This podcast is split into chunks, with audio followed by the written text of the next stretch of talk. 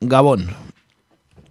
Azken aldian, badirudi ultimatumen garaietan bizi garela, estatu batuek, Europar batasunak eta Ego Ameriketako e, aliatu desberdinek, Nikolas Madurori botatako ultimatunaren ordagoak, bere horretan jarraitzen du, ultimatunaren data pasaba da ere, badirudi Maduro ez dituela hauteskunde presidentzialak deituko, hauek maiatzean izan baitziren, eta aixe irabazi baitzituen.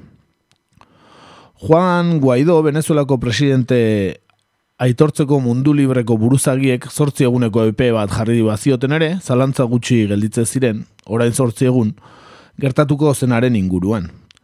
Manifestazio baten amaieran montatutako estenatoki batean, bere burua presidententzat aitortzen duenaren baliogarritasuna onartzeko, beharrezkoa zen tramite kosmetikoa besterik ez da izan, ultimatun famatu hau.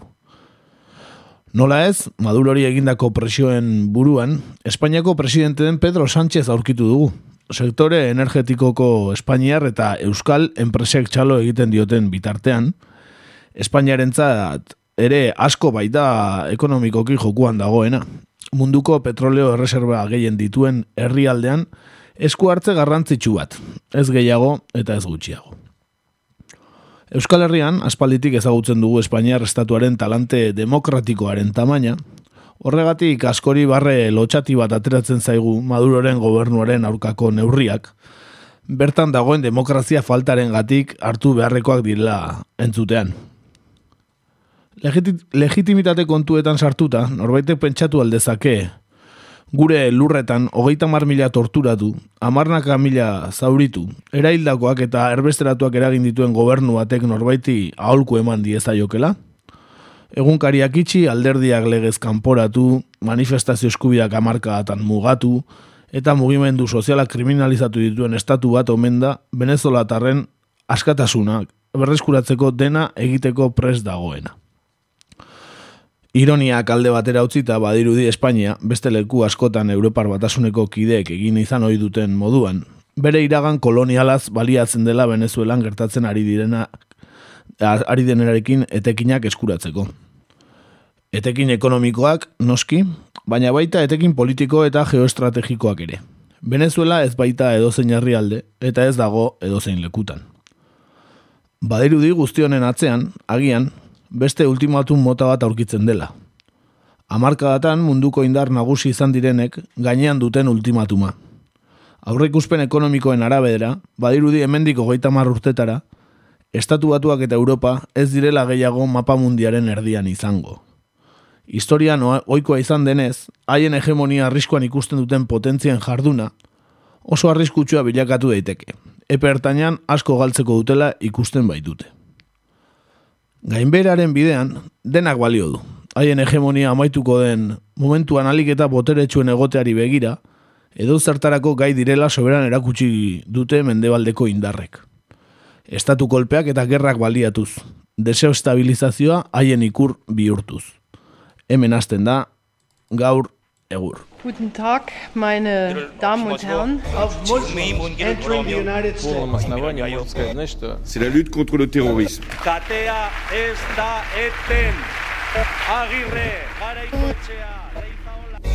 Gaur egur. Gaur egur. Gaur egur.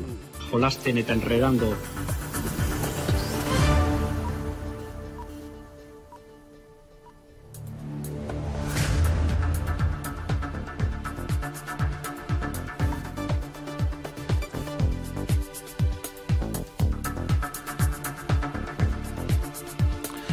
Beno, ba, hemen gaude otxaileko lehenengo astelena hontan, otxailak lau, 2000 eta emeretziko otxailaren laua, kakaintzona estudioetan zuzen zuzenean.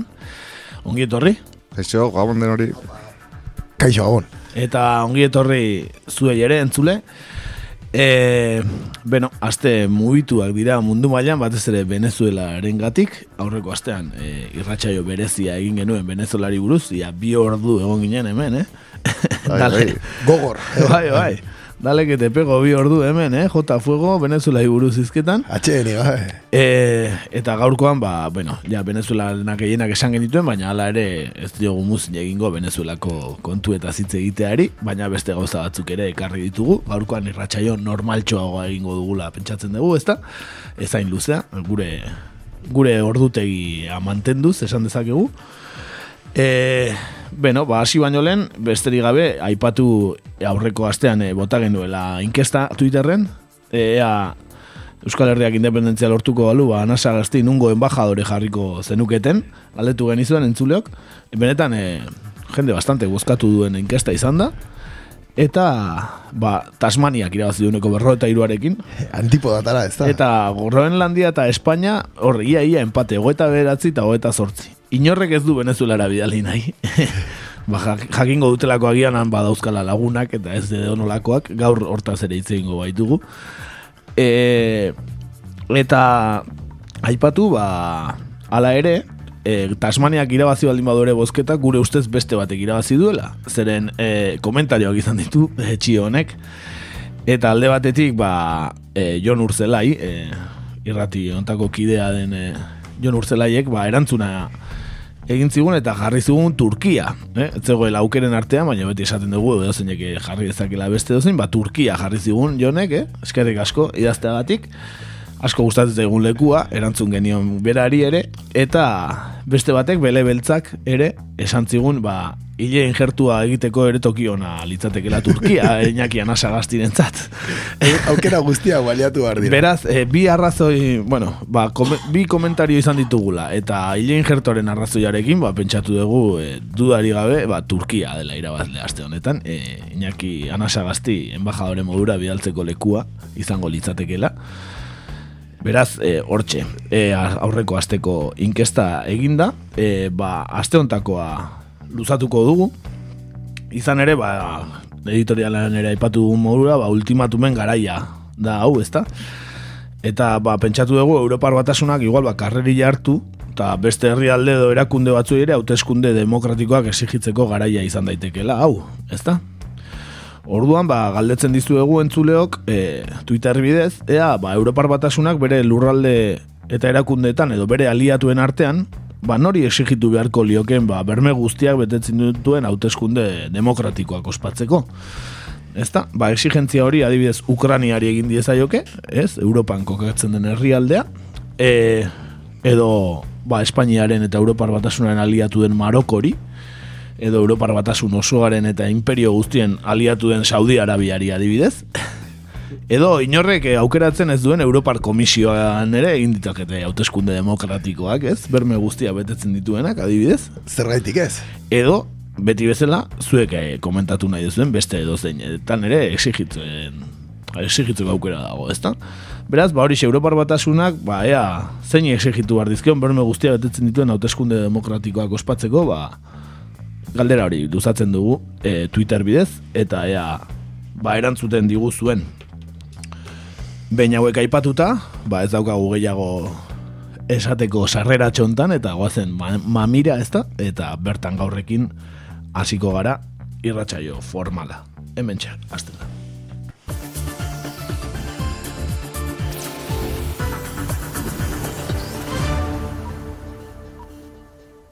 Bertan gaur.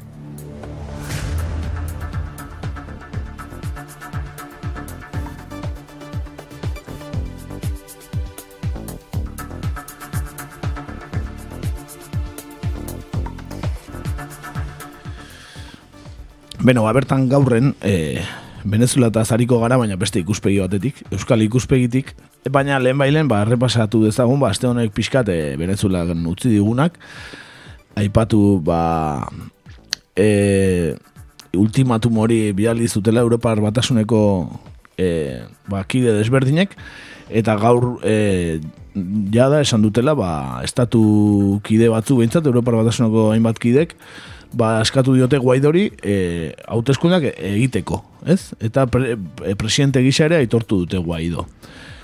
Esan e, gauerdian amaitzen zela ofizialki Europar Batasunek hainbat estatu, ez? Europar Batasunek hainbat estatu Venezuelari jarritako EPEA, Eta sortzi eguneko tartea eman ondoren, ba, Nikolas Maduro presidenteak hauteskunderik deitu ez duenez, ba, gau gaurko ba, Guaidoren aldeko apostua eman dute apostu eh, eman dute estatu desberdinek, ezta? E, eta esan diote Guaidori berak e, egin ditzala hauteskunde demokratikoak eta beraien artean daude ba, Alemania, Austria, Danimarka, Erresuma Batua, Letonia, Lituania, Suedia eta baita Espainia eta Frantzia ere. Eta hori, bost libre eta demokratikoak egiteko eskatu diote Guaidori eta Madurori. E, ez guaidori, guaidori. Ah, esan diote ja guaidori ah, egiteko. Madurori esan zuten, sortzi egun eman dizkiote, ez duen ez bai. egin, esan diote guaidori berak egiteko. Eta ze, ze atzetik ze struktura izango den. Eh, ze, ze potesta emota, ez? Bai, bai. egiteko, baina, bueno. E, esan baita ere, e, Maduroren, ba, bueno, estatua diotela, argudiatzen dutela, Venezuela korriak nahikoa sufritu duela, Maduroren kudeak eta txarra eta zuzenbide estatuarekiko respetu falta. bueno, Europar estatuak eh, Venezuela kudeak eta txarra esatea, eh? Ba, batzu badukate aurpegi latza, eh? Oixe, bera, eta bueno, zuzenbide estatuari da okio igual beste kapitulo batera gutziko dugu, baina... Baita ere, baita ere. Zuzenbide estatuko respetua eta kudeak eta txarra, eh? Oso ona, oso ona. Madre mia, Europako estatuak itzeiteko daude. Kudeak eta txarra. E, esan Errusiak berriz gaitzetxe egin duela Europako gobernuen jarrera eta estatu kolpea zilegi egitea egotzi die, Errusiak berak. Eta esan dute, ba, Venezuelako barne krisia konpontzeko irten bidea herritarrak direla, eta herrialdeek ezin dutela beren erabakia inposatu. Horra esan du adibidez, Dimitri Peskov, Errusiako gobernuaren eledunak. Bueno, horrela ditugu gauzak, E, Venezuelan, e, esan guaidok ere militarre esan diela e, laguntza humanitarioa bidali barromen dute estatu batuak eta hau Venezuelara eta militarre esan diela parte hartzeko, laguntzeko e, laguntza humanitario hori jasotzen eta banatzen, esan duela guaidok. Bai, mugak, mugak irikitzeko edo, bai. Mhm. Lehen alderantziz izaten zen, ez? Venezuelak estatu batuetara laguntza humanitarioa bidaltzen zuen. Bai, petroleo gixara, ez da? en fin. E, ikusi dezagun. Beno, ba, behin hori aipatuta, gaurkoan Venezuela eta zitzen dugu, baina, e, bueno, Venezuela eta gutxi xamartzen dugu. Benetan hitzen duguna da, EAJaren negozioak Venezuelan zein diren. E, horretarako, ba, ahostartzela ieta, e, agian ezagutuko duzu, ba, kazetari e, bizkaitarra, ez? E, ba, ardi beltzan eta ibilitakoa, ba, benetan, e, ikerketa kazetari bikaina eta Euskal Herriko ustelkeria kasu eta zagian gehien dakien e, kazetaria, ezta? Eta, bueno, ba, boteraren e, atzeko ari hoiek zeintzen mugitzen dituzten, eta zer erlazio dauden, ba, bai. bankuak, e, enpresa handiak, politikoak eta barren artean, ba, oztar zelai eta bezain beste, ez dakit norbait jaingo duen herri hontan. Eta, ba, aurreko astean, e, urtarrian hogeita maikan, e, idatzi zuen e, laine.orgen aurkitu guguk, ez dakit beste nun baitere egongo zen artikuloa, ba, por el PNV apoya el golpismo en Venezuela? E, artikuloa, eta ba, artikulo horren zati batzuk ekarri ditugu, e, itzuli ditugu euskerara, eta bueno, zeo zer eta nakatzen ba baldin badago, barkatu diezagula e, ahostarrek, eta ba, pixkat horri buruz itse dugu.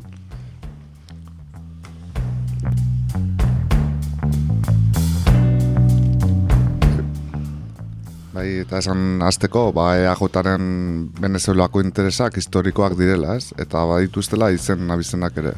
Bai, e, interes hauek era guztietako negozioak dituzte oinarri eta venezuelako politikariak, enpresariak eta jesuitak barne biltzen ditu.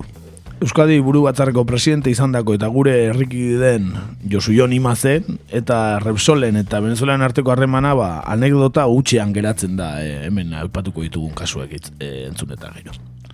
Eta azteko orain bost urte, Espainiar interesek el Universal de Venezuela gunkaria eskuratu zuten. Eta Panamarekin zer, zer ikusia duen sasi enpresa baten bidez, ba, enpresa hau eaiotaren negozio gizonekin dotzen da.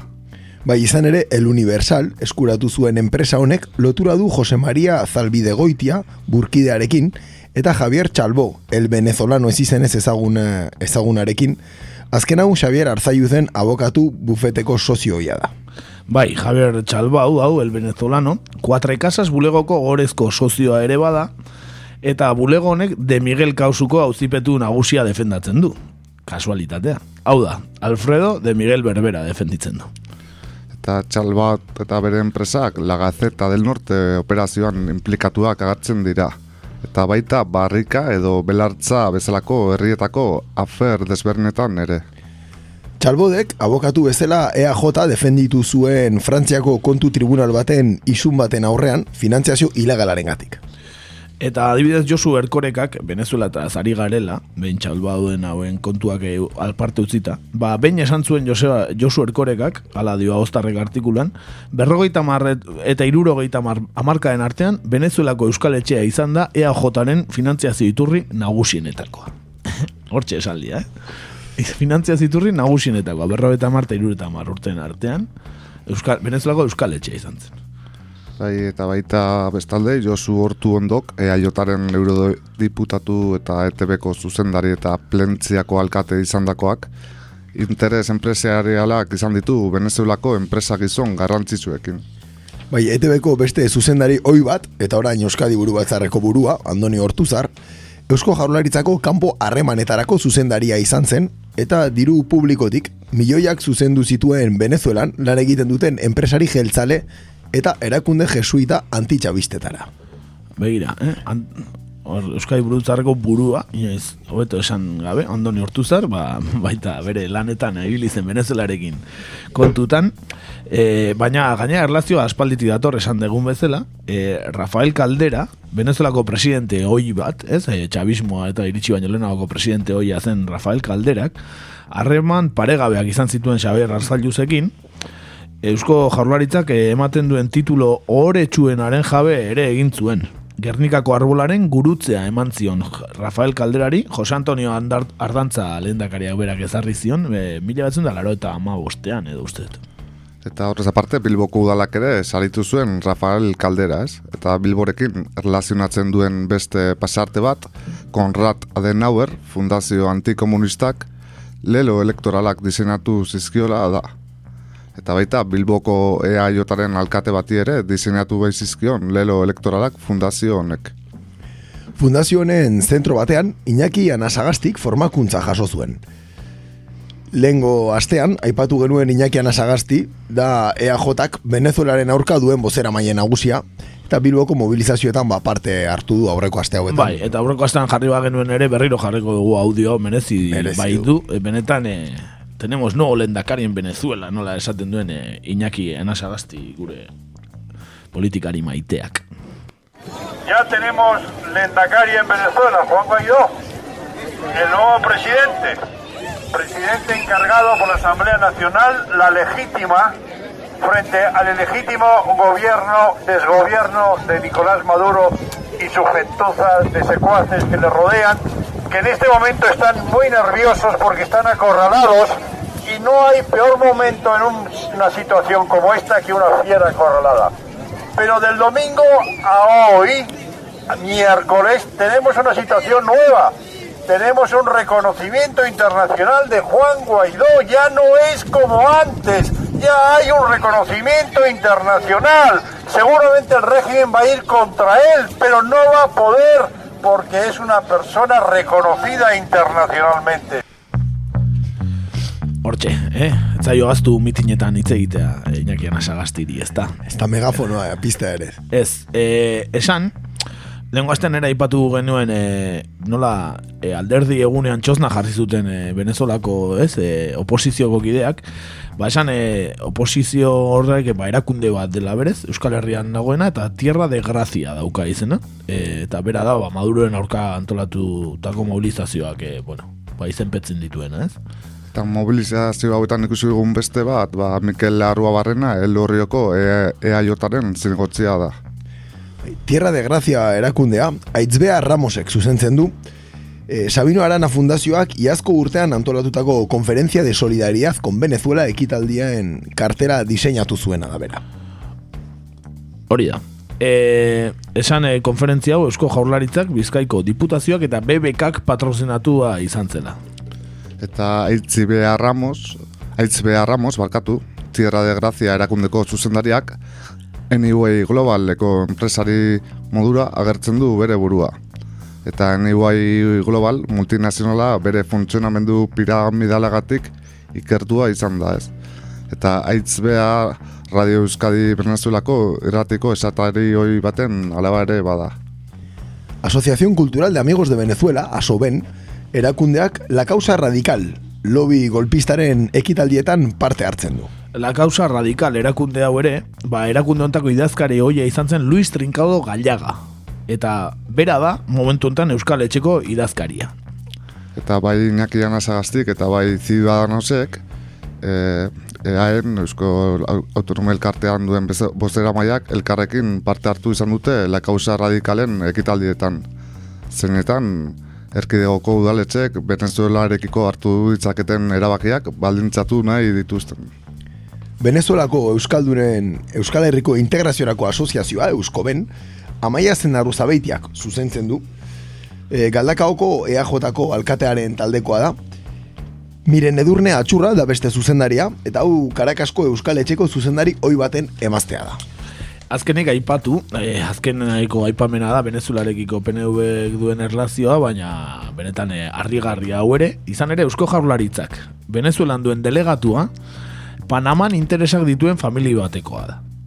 Eta familia honek babesa eman zion bere egunean Manuel Antonio Noriega ies egindako presidente hoiari eta ziako narkoagente bezala ere aurkeztua izan den Manuel Antonio Noriegari babesa eskaini zion familia batekoa da Eusko Jaurlaritzak Venezuelan duen delegatua. Beno, benetan eh, jende gogorra Venezuelarekin erlazioa daukana EAJaren barruan, eh? Bai, eta gero bera gentuza esan ez ez, beste batzuetaz, eh, bueno. Bai, bai. Bera ere, bera, bak iguan asagazti, han bertan jaio zen, e, Venezuelan. Gero, o, e, umetan ona etorri zen ikastera, baina gero aita hiltzenean berriro Venezuelara itzuli zen, eta han egon zen, han ikasi zuen e, kazetaritza uste dut, e, Venezuelako Karakasiko Unibertsitatean, eta abar. Benetan, e, bueno, e, EAJak, ba, badauzka bere interesak atzerrian ez, eta bere lagunak, eta hori, ba, adibidez, ba, ikusten da Euskal Diasporan, eta bereziki momentu honetan, ba, Venezuelako diasporan, ez? Bai, badirudi ez, bere posizionamendua ez dala bakarrik ideologikoa ez, badagoela hori baino zerbait gehiago ere ez, bere posizio hartze horretan.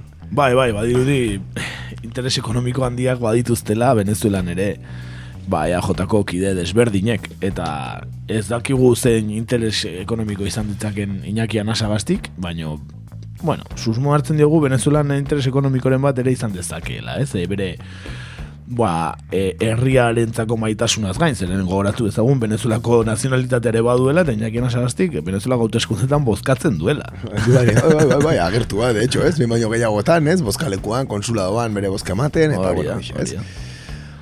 Benetan, e, bueno, ba, Iñaki Anasagasti pertsonaje ilustratua, ba, benetan e, protagonista izaten ari da azken aste hauetan, e, Venezuelako kontuarekin, eta, bueno, ba, labur-laburrean ekarri dugu, e, ba, Anasagastik eta beste batzuek, ba, orain urte asko, mila beratzen da, laro eta iruan, ia, hogeta masei urte, ba, ba, parlamentuan egontzen, e, ba, korrupzio edo kasu bat, ezta? Benetan e, ba, eskandalu politiko zat hartu zen kasu bat, e, izan genuen larogeta iruan eta nasagazti ba, tartean zegoen eta bueno, ba, behin protagonismoa ematen hasita inakian nasagaztiri ba, kontutxo hau ere az- azaleratuko dugu, aspaldiko kontutxo hau. Hori da ez, eta bueno, zuk esan dezun bezala, e, mila behatzen da lerogeita iruko martxoan Euskadiko Ezkerrak parlamentuan EAJaren Euskal Irrati Telebistan nepotismo argia egit- egitea egotzi zion. Bai, jelkide esanguratsu batzuk, e, ETB-rako bikoizketak egiten zituzten enpresa bateko akziodun bakarra izateak ekarri zuen egoera hura. Euskadiko ezkerrako bozera maiak eskandalu politikotzat definitu zuen e, garai hartan e, kasua. Eta realitateak edozen fikzio gainditzen zuen. Eta Iñaki Anasagasti ETBko administrazio kontseiluko kidea zen momentu berean, ere zoenka enpresako akzioduna zen. Eresoinka zen e, ETB-ko bikoizketak egiten zituen enpresa. Ere soinkoa, irureun mila pezetakiko kapitalarekin sortu zen, mila batzion dalaro getabian. Eta sei akziodunek zuten jabetza osoa. Eta hoien artean, lehen biziko akzioduna Juan Antonio Urzelai, Bigarrena Iñaki Goiri Barron, Hirugarrena, Sapin Zupiria, Sabin Zupiria, deiaren den, deiarena den iparragirre editorialeko zuzendaria zen bere garaian, eta Bingen Zupiriaren aita. E, jakingo duzu zein den Bingen Zupiria, baina bazpare gogorarazi egingo dizuegu. Bai, eta bingen zupiria, ba, mila behatzen dalaro eta behatzi eta mila beha, behatzen dalaro eta mairetzi bitartean Eusko Jaurlaritzako lehendakaritzako prentsa eta komunikazio zuzendaria edo adu- arduraduna izan zen. Eta handik, Andoni Hortuzaren eskutik, 2008an EITB-ko zuzendaria izatera iragantzen. 2008tik eh, amaseira, deia egunkariko zuzendari izan zen, zupiria. Eta orain, 2006tik Eusko Jaurlaritzako hizkuntza politika eta kultura sailburua ere bada, e, jakingo duzuenez, pentsatzen dugu. Eta beste laugarren bazkidea, ba, Gorka Agirre, Jose Antonio Agirre lehen lehendakariaren iloba, eta garai hartako barne zailburua zen Luis Retolazaren zuia. Eta azkeneko biak, bosgarren eta seigarrena, Iñaki Anasagasti berbera, eta bere anaia ziren. E, ere soinka irure mila pezetarekin sortu zen, oda mila sortziroen eurorekin, baina mar urtetan lareun milioi pezetatan, hau da, bi milioi eta erdi eurotan baloratzen zen enpresa hau. Bai, eta hori dana, ete bere bikoizketak egiten. Eta EAJ-ko kideak ETB-ko kontseiluan, eta bertan Iñaki Anasagasti bera, ere, zain, ere zoinkan, eta ETB-ko administrazio kontseiluan. Neko lukratikoa, ez? Dirudi bikoizketaren negozioa, ez? Bai, bai, eta, bueno, bingen zupiria ere nondi datorren, eh? E, ETB bere aitagia, eh? E, bazuen e, e, esku hartzea, eta, bueno, gero ikusi egin behar ze, ze ibilbide izan duen, eh? E, ETB-ko zuzendari, deiako zuzendari, eta gero, e, ba, orain Eusko Jaurlaritzan, ez? Ikusteko ETB, no, ba, ze txiringitoa den, ez? EAJaren nolako txiringitoa izan den urteetan, ez? Bai, hori da, ez? EAJaren, ez, ba, txiringito hien artean parkur egitea, ez? Juten Bai. da batetik bestera, eta azkenen nora iristen zara, ba, bueno, ba, kultura sailburua izatea, eta, eta hoize, ez? Bai, benetan, e, bueno, e, anekdota ez ekarri dugu, ba, bueno, e, espaldiko kontua dirako, baina, bueno, Iñaki Nasagastinen e, kontutxo bat e, zelako, eta ba, gogorarazteko. Bai, badirudi batzuk gardentasuna saltzen dutela, baina lavadoran oraindik arropa zikina gelditzen Bai, dela, bai, ez da? baina, bueno, gaur ere ete bentzegon Iñaki Nasagasti, eh? ez, ez da urrutira joan, eh? ete berekin lotura handia dirudi izan duela, bueno, urte batzu pasa ditu atzerrian, ez Madriden, Hortxe egon da, eh, nahiko, eh, nahiko ondo joan zaiola esango genuke, ez? Eta, bueno, orain bueltan, ba, bueno, hortxe dago tertuliano moduan, eta eta nahiko, bai, nahiko, nola da, el abuelo cebolleta, o? Hora, aspaldiko kontu kontatzen dituna, gor, beti aventuratan eta anekdotatan, ez? Bai, bai. ko- Komeni zaizkionak harik ere. eh? bai, bai, hau, hau ez dut uste inoiz kontatu dunik, eh, kontu honena. I, ere soinkaren inguruan ez dio inoiz bataietarik entzun oraingoz. Ez, nik ere ez. Noiz Eh, baita igual deitu barko genuke, ez gaur eguretik lapitzena. Bueno, ba hori, pixkat ekarri nahi genuen baita, ba, Venezuelarekin e, dauzkagun erlazioak, ez, diasporak eta euskaldunok aspalditik datuzenak, eta orain ere, ba, ikusten dugu, bueno, ba, zein aldetan dagoen, ez, euskal diaspora, eta baita euskal, ba, alderdi nagusia esan dezakeguna, ez, boterean dagoen alderdia, ere, ba, ikusten dugu ze interesa dituen, e, ba, Venezuelan. Ba, hauxe zen e, gaurkoz bertan gaurren geneukana, eta ba, besti bat eh, jarriko dugu pixkat tartetxo hau amenizatzeko eta bueno, ba, interneten Ana Sagasti jarri dugu eta azaldu zegu abesti argentino bat Tito Sanguinetirena eta deitzen da Ana Sagasti baina ez dauka zer ikusirik Iñaki Ana Sagastirik da ba, Navarro herrian edo inguruan dagoen e, tren estazio bat, deitzen da Anasagasti, eta dago Argentinako ba, Buenos Aireseko probintzian. Baina, bueno, ba, aurkitu dugu eta ba, Anasagasti, abestia jarriko dugu, ba, Iñakiren omenez, eh? asko maite baitegu irratxa jonten. Bueltan gatoz, abestiaren ondoren.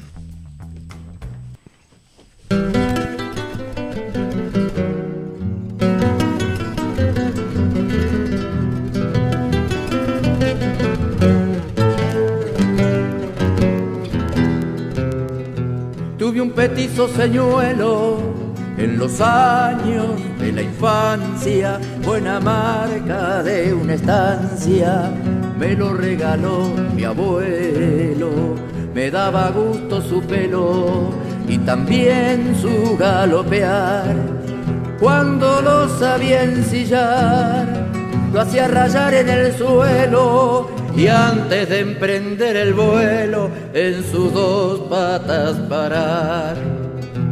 En su lomo bien tranquilo me paseaba por el llano, saludando con la mano el paso de algún amigo, teniendo al sol por testigo de mis andares primeros, con la bulla de los teros y el disparar del bacaje, haciendo lucir mi traje sencillito, bien campero.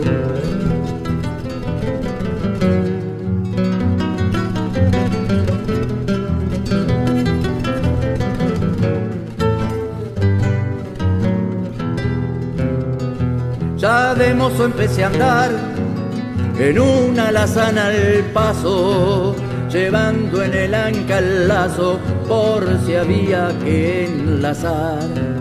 Entonces había pasar por el rancho de la loma, donde vivía una paloma que era un gusto visitar, que mate sabía cebar, era dulce y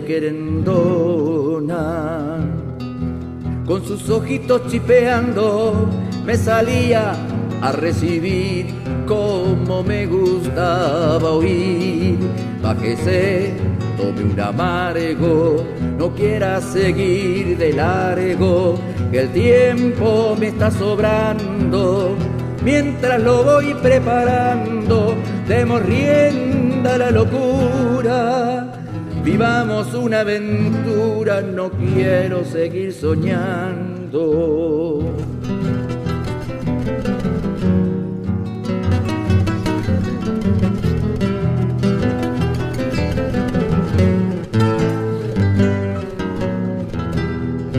Hay pagos de Anasagasti donde aprendí a caminar, nunca los voy a olvidar. Me pase lo que me pase, y aunque lejos se me hace, por todo lo que me han dado, llevo en el alma clavado luz de tus amaneceres y de tus atardeceres el perfume de tus campos.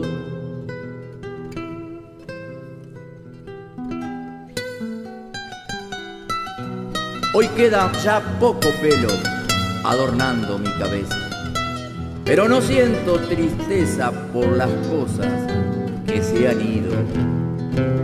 A todo lo que he vivido lo guardo en el corazón y lo junto en el montón de mis recuerdos queridos.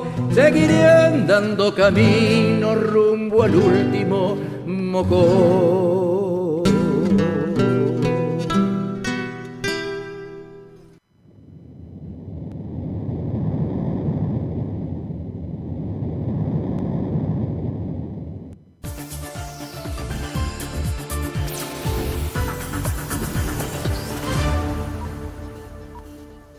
Nazioartean gaur.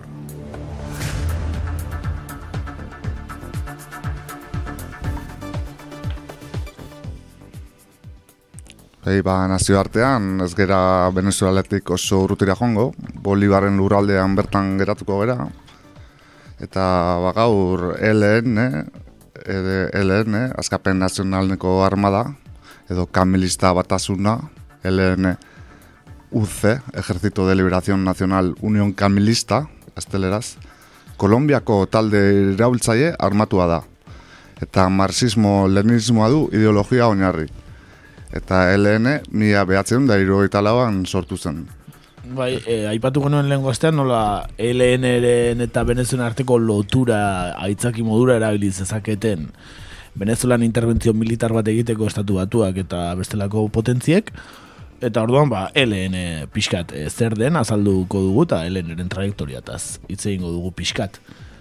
Aipatu e, anekdota modura edo LN-ren e, LNen garrantzi handia izan dutela apaizek, ezta? Bai, eta apaiz Espainiarrek, eh? Esan hor eh, hiru apaiz Espainiar tartean, eh, ze prota, protagonismo izan zuten batez ere sorrera hartan, eta, bueno, e, irurak aragoitarrak, eta, bueno, jarrai, jarraian ezagutuko. Ditut. Espainiar, baina hirurak aragoitarrak, eh? Hiru Espainia, eh, aragoitar apaiz dira eh, benetan protagonista nagusietakoak eh, ELN gerrillan.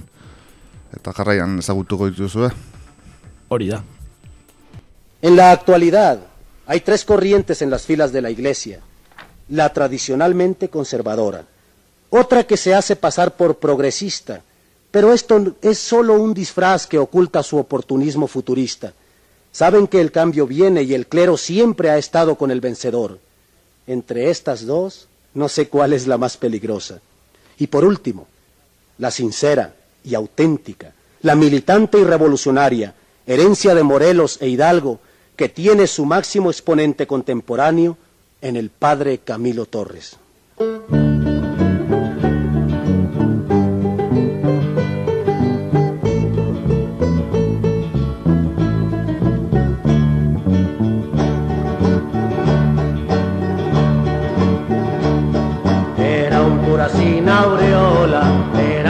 Sin rosario, era un cura sin santuario, era un cura proletario.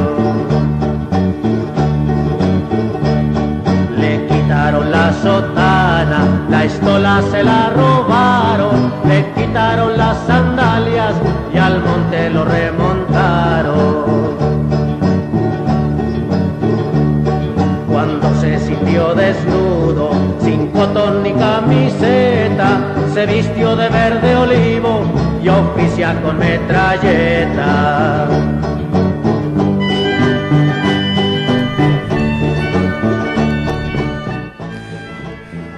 Eta, bueno, e, giroa ondo ilustratzen duen ez abesti honen arira, bai, ba, bueno, ELN-aren historiarekin pixkatez, joango gara.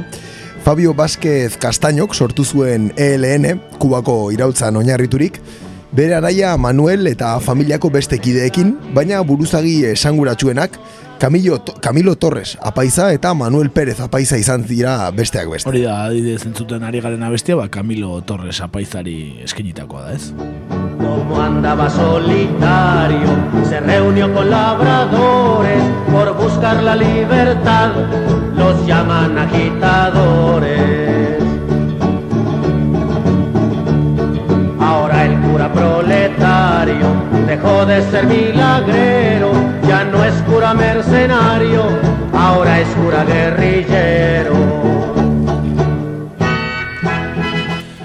Eta aipatu, ba, Camilo Torresen ondoren, mila behatzen da iruta mairutik laro eta emezortzira, Manuel Pérez Martínez, Pérez apaiza, apaiz e, Espainiarra, izan zela, ba, taldea zuzendu zuena, hile arte. Arrezkero, Nicolás Rodríguez Bautista, da taldearen lehen komandatea. Con el dedo en el gatillo decía sus oraciones, rezaba porque los hombres hicieran revoluciones, hicieran revoluciones, hicieran revoluciones.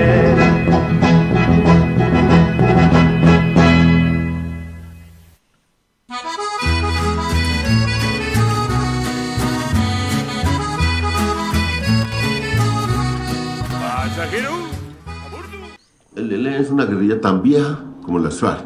Nació de una brigada que llegó de Cuba y se instaló en una zona campesina y sus primeros ideales son los ideales de la revolución cubana y los ideales de un cura, Camilo Torres Restrepo, que le imprimió un ideal de teología de la liberación a esa guerrilla. Y luego, pues ha tenido 50 años de guerra, pero es una guerrilla histórica que quizás incluso hacia futuro pueda tener una relevancia política grande. Bai ez. Eta audioan entzun dugun bezala, ba, sortzaile horien artean Camilo Torres apaiza, e, Bogotan mila bederatzen da goita behatziko txaiaren iruan jaioa, eta San Vicente de Txukurin, Kolombian, irugaita zeiko txaiaren namagostean hiltzen.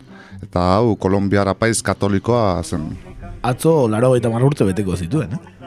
Egia, efemeridietan sartzen da, eh? Camilo Torres baita ere, ezta? E, bueno, Kolombiako Unibertsitate Nazionaleko kapila zen, e, askapenaren teologiak Camilo erakarri zuen eta ELN talde armatuan sartu zen iraultzaileen artean ideia zabaltzeko. Handi gutxira baina Camilo bere lehenengo borrokan hil zuten. Hain zuzen ere Camilo patioko borrokan. Eta hala ere, tar, talde armatuaren simboloa bihurtu zen. Eta haren oroimonez, kamilista batasuna erantzi zuten taldearen izenari. Hortik eh, lehen eh, UC. Askapenaren teologiaren aitzindari, Kolombiako soziologia fakultatearen sortzaietariko bat eta askapenaren gudaroste nazionaleko ELN kide izan zen besteak beste. Bizizen artean, marxismoa eta kolonialismoaren arteko katolizismoaren arteko elkarrizketa bultzatzeari ekin zion markatu. Marxismoaren eta katolizismoaren arteko eh, elkarrizketa bultzatzeari ekin zion. La puso a aguantar hambre, luego la quemaron viva porque no quiso cantarle. Deme compa ese fusil que todavía tengo aliento. Quiero luchar por mi pueblo. Eta Camilo Torres, eh, hasiera hartan, ba, fronte batuan eta nekazariekin bildu zen. Kolombiako fronte nazionalaren iritsierarekin batera, Camilo Torresek herriaren fronte batua sortu zuen. Mugimendu hau alderdi liberal eta kontserbadoreari aurre egiteko sortu zen. Mugimendu hau, landa eskualdeen eta eskualde urbanoen beharrak asetzeko sortu zen, frontearen ereduari aurre egiteko eta askapenaren teologia indartzeko. Unibertsitate nazionalean irakaslea zen eta ikasleen martxa baketsu baten buru ere izan zen. Eta ganera, fronte batua eleneren adar politikoa izatera pasa zen. Eta Camilo Torres zelarik bien arteko lotura. Forcamos mi pueblo, estoy en la guerra, dijo el comandante por más sincera. Es la mejor obra que puedo darle a tanta humanidad así lo espera. Es el comandante noble y sencillo, desde sus inicios pensó en triunfar. Comenzó la lucha estando muy niño, Nicolás Rodríguez no morirá. Guzti hortatik, ba bueno, gerriaren garaietara pasuz, pasatu zen eh, Camilo Torres, eta irakasle postuari uko egin zion, fronte batua disolbatu zuen eta gerrian sartu zen. Gerriari gisa, ez zuen kargu alturik eduki, eta bere lan nagusia laguntza espiritual eta ideologikoa ematea zen, ikuspuntu marxista kristau batetik. Bere lehenengo borrokaldi armatuan hiltzen esan dugun bezala, ELNek Kolombiako militan, militarren talde bat eh, setiatu zuenean. Eta bere eriotzaren ostean, Camilo Torres LNren martiri ofizialetako bat izan zen. Camiloren eriotzaren ondoren, Perez Apaizak hartu zuen ELNren gidaritza.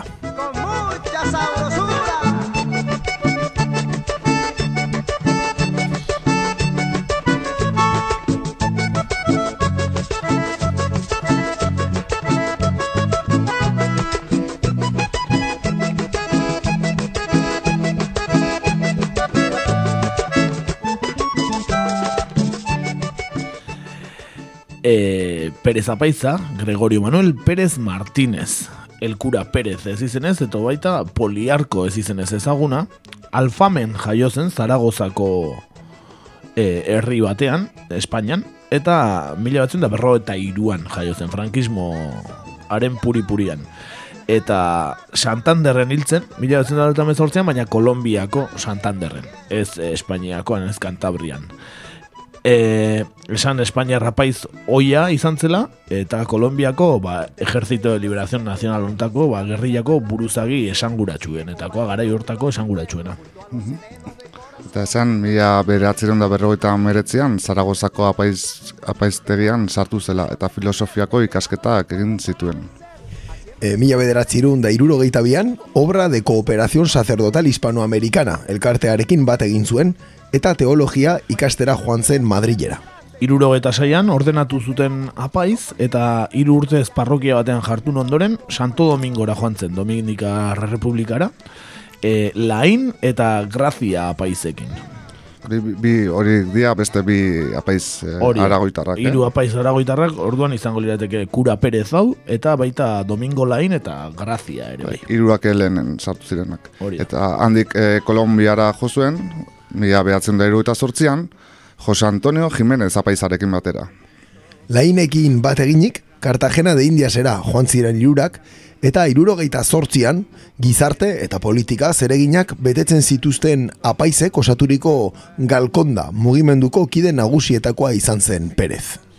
Mila batzen eta behatzean, Espainiara egotzi zituzten, baina eskutuan itzuli eta ELN gerrian sartu ziren. Lain eta graziarekin batena sartu zen e, ba, Elkura Perez, eta badaukagu Domingo Lainen e, bere garaiko audio kortetxo bat, eta gero e, beraien e, aragoiko herrietako jendea iritzia ematen ere bai entzun ditzagun.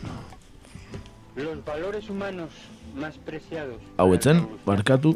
Primer contacto con la guerrilla, como entre mucha expectativa, temor, mucho temor como a lo desconocido, para que la violencia, ¿te acuerdas? Una cosa es asumirlo teóricamente y otra cosa es practicarlo en cuanto a que ya es la realidad. ¿Por qué entonces escandalizarnos que unos sacerdotes se metan en la guerrilla para defender a los pobres y hacer que los ricos no sean tan egoístas? Es muy triste no tener, estar en un país y no poder vivir, ni poder comer, ni tener ningún derecho a nada. Por eso, si nos pusiéramos en la piel de ellos nosotros, a lo mejor hacíamos lo mismo, ¿eh? No lanzábamos al monte. Hortxe bi aragoitarren iritziak, eh, beraien herrikoak, eta esan, eh, beraien herrietan eh, plazetan, beraien izena dukatela plazek, herriko plazek, eh? eh apaiz hauenak, eh, aragoien, eh? Eta datu bizia, eta ez ezaguna, eh, gehiengoaren txat. Bai, bai, desde luego, eh, lehenengo berri askorentzat. Eta mila behatzen da iruita mairuan, gudarrozteak eraso gogora agintzion gerriari, eta Perezek hartu zuen gerriaren antolaketa eraberritzearen ardura. Eta bera izan zen buruzagi eta arduradun politikoa aurrerantzean. Mila bederatzireun da larogeita bederatzean ekskomulgatu egin zuten. Araukako gotzainaren hilketa zela eta. Larogeita maikatik larogeita mabira bitartean, gobernuarekin elkarrizketak izan zituzten ELN eta FARKek, baina utxe egin zuten konbertsazio hauek. Ernesto Sanperren gobernuarekin bake hitzermena sinatu zuten mila batzen da laro eta malauan, baina mila batzen da laro eta maseian hauteskundeak bertan bera gerazitezela eskatu zuen eta sabotajea iragarri zuen. Eta mila behatzen laro eta mezortzian, hilzen Perez Apaiza Kolombiako mendialdean. Entzun dezagun e, e, Perez Apaiza edo Elkura Perez e, ba, hitz egiten gerrileroaren e, ba, ba, giza balio ez ez, balores humanos esaten du berak, entzun dezagun eta ikusiko dugu nola bere hitz egiteko eran e, notatzen dena apaiza dela, eh? ez? Apaizek bezala bastante diskursoa dauka, hola, apaizen tonoan eta entzun dezagun Elkura Perez. Los valores humanos más preciados para el revolucionario de hoy serán, primero, ser insobornable. Nada ni nadie podrá comprar la conciencia de un revolucionario. Segundo, ser valientes. No puede detenernos en la lucha el terror ni las amenazas de nadie. Apoyados en nuestra conciencia, tendremos el valor de enfrentar en cada momento la lucha. Tercero, ser constantes revolucionarios de por vida y hasta la muerte, para mantener los propósitos iniciales y eternos de nuestro compromiso.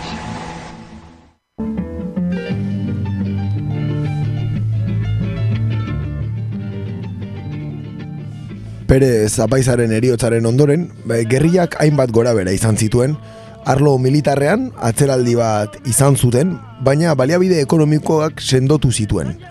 Arlo politikoa berreraiki egin zuten.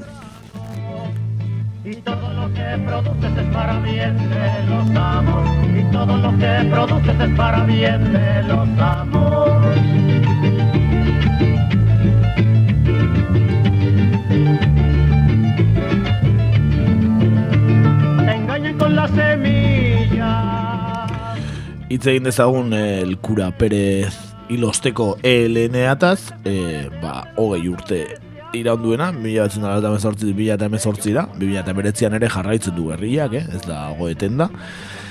Esan, e, garai hartan estimatzen dela, lau mila bosteun kide izatera iritsi zela ELN, baina hemen daukagu bere e, gaur egungo ba, buruzagia den e, Nicolás Rodríguez Bautista Gabino, eta Gabinok ba, esaten du, e, ezinezkoa dela kontatzea ELNek zenbat e, kide izan ditzaken, bere ustez, e, ba, hirietan eta jardun politikoan e, baut, badituztelako militanteak. Entzun ezagun e, Gabino zenbat kide diren e, esaten. Siempre hemos dedicado la mayor eh, la mayor cantidad de tiempo de nuestro trabajo a la acción con las masas, en la ciudad, en el campo, en las regiones donde estamos. Por eso es difícil, y yo lo he dicho en otras ocasiones, contar al ELN, porque el ELN no es solo los hombres que estamos en armas. En armas estamos una parte. Y por supuesto que donde podemos estar con las armas, que, que es en nuestro territorio. Pero en las grandes ciudades no lo podemos hacer. Y quizá allá, donde está el grueso de las masas, está también el grueso del Ejército de Liberación Nacional. Soldado, piensa bien en lo que te están convirtiendo. En asesino de tus hermanos de clase y en perro guardián del dinero y los intereses de tus enemigos. ¿O acaso has visto en las filas de tropa algún banquero, un burgués, un oligarca, un político? Piénsalo.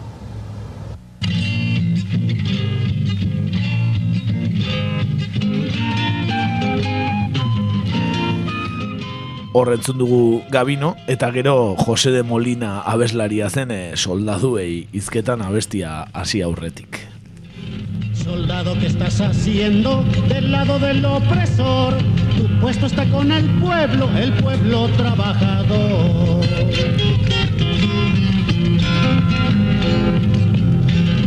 Por un sueldo miserable, Eta esan Perez Apaizaren ondoren, Nicolás Rodríguez Bautista, Gabino, alias Gabinok, hartu zuela LNren buruzagitza.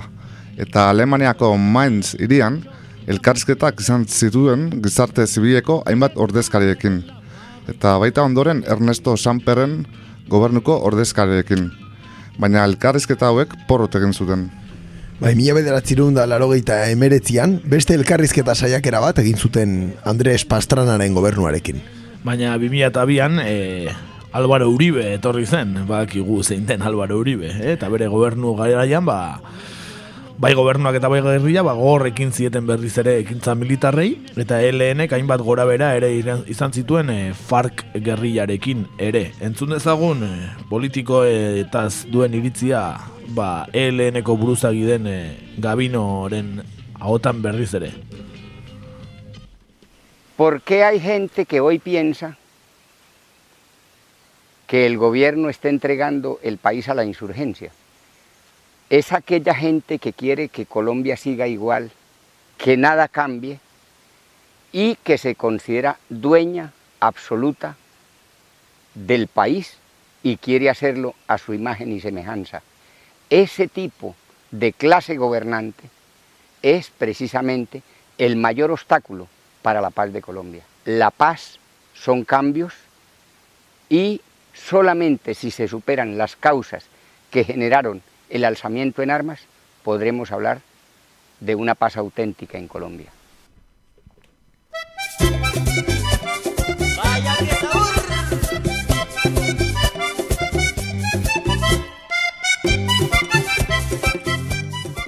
Eta kontestuetan, Helenek Santosen gobernuarekin elkarrizketak hasi zituen. Eta komunikatu baten bidez, Helenek Juan Manuel Santosen gobernuarekin elkarrizketa bat hasiko zuela iragarri zuen, eta zuetena proposatu. Gobernuak gerrilari Odin Sánchez, kongresuko diputatu hoia eskatzeko eskatzen dio negoziaketei ekiteko. Baina gerriak gobernuak hainbat preso askatu ezean, etzuela Odin Sánchez askatuko erantzun zion. Hainbat gorabera eta gero elkarrizketak hasi zituzten gobernuak eta gerriak e, Karakasen, baina eskatutako baituak eta presoak askatu ez zituztenez, ba ez ziren mailan eseri egin ere egin ger- gerrillakoak. Alare Gabinoren eh ahotsa entzungo dugu berriz ere komentatzen nola ba hitz egiten zituztenak zirela koncesiones humanitarias esaten du berak, entzun dezagun Gabino. se habla de discutir situaciones de tipo humanitario. Nosotros entendemos que son falsos positivos, desapariciones, desplazamiento, retenciones que realiza la insurgencia y otro tipo de cosas que sin duda queremos que terminen y por eso buscamos acelerar el proceso de paz.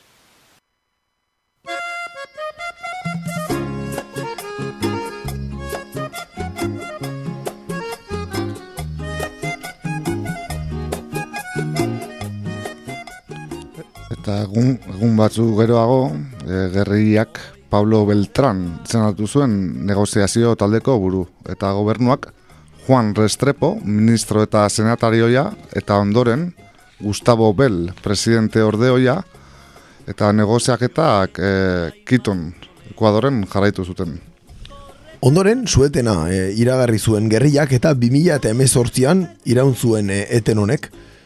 Esan LN-ko kideak eh, askotan esan dutela edo esan dutela behin baino gehiotan eh, ez dutela asko espero negoziazio hauetaz eta entzun dezagun adibidez ba, entzu, atera dugun deklarazio bat ba, gerrilari bati egindakoa eh, kazetari batek.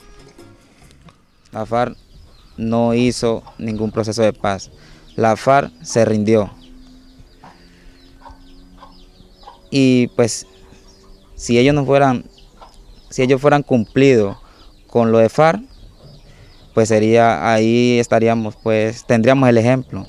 Hoy vemos algo diferente, el gobierno sigue incumpliendo.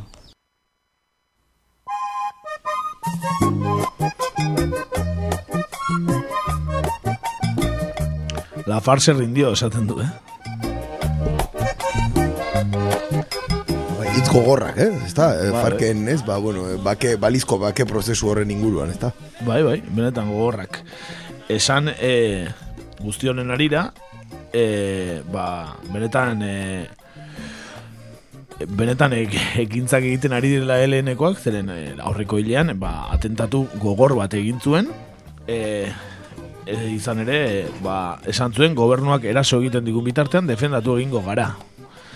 Eta nazio askatzeko armadak bere gain hartu du polizia eskolaren aurkak egindako eraso. Polizia eskola bati egin zion eraso, e, Kolombian bertan, eta ba, benetan entzutetxoa izan da atentatuaren kontua, naiz eta gero Venezuelaren kontuak ba, dena itzalean utzi duen, ez?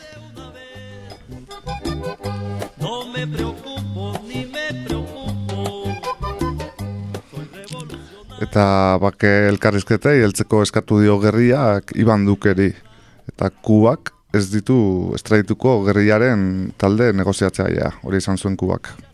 E, Bomba auto bat lerrarazi zuten Bogotako polizia eskola batean, joan den urtarriaren emezortzean, esan dugu moduan, eta atentatuaren ondorioz hogeita bat pertsona hil ziren. Esan bezala erasoaren erantzukizuna ELN nazio askatzeko armadari egotzi zion Kolombiako gobernuak hasiera hasieratik eta gerrilak ere bere gain hartu du atentatua. Voces bere webgunean argitaratutako ohar batean. Y eso no les agradaba.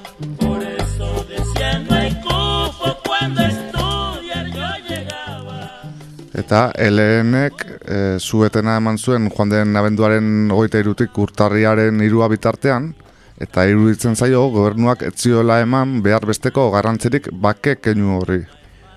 Sueten hori baliatu zuen bere tropek aurrera egin zezaten haien posizioetan salatu zuen gerrilak. Beraz, neurrigabea da, gobernuak eraso egiten digun bitartean pentsatzea guk ezin dugula erantzun geure burua defendatzeko gaineratu zuen gerriak. Eta alere berriro bake elkarrizketa heltzeko eskatu dio LN-ek Iban Duke, Kolombiako presidenteari.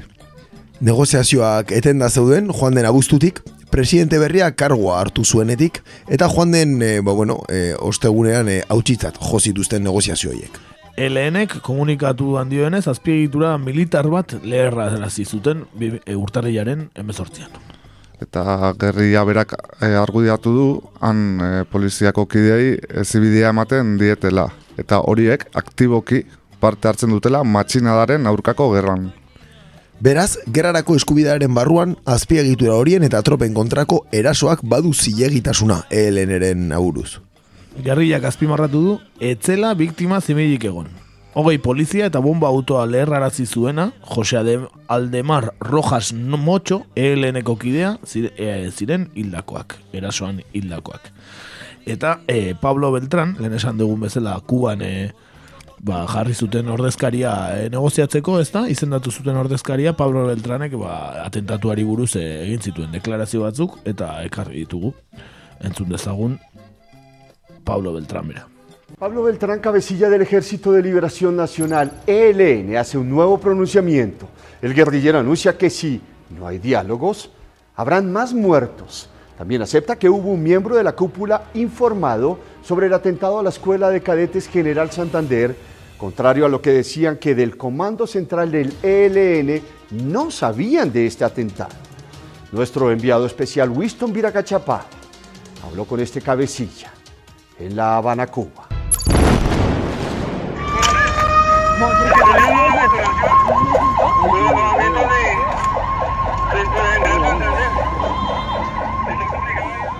Y entre más se posponga reanudar esos diálogos, ¿qué quiere decir?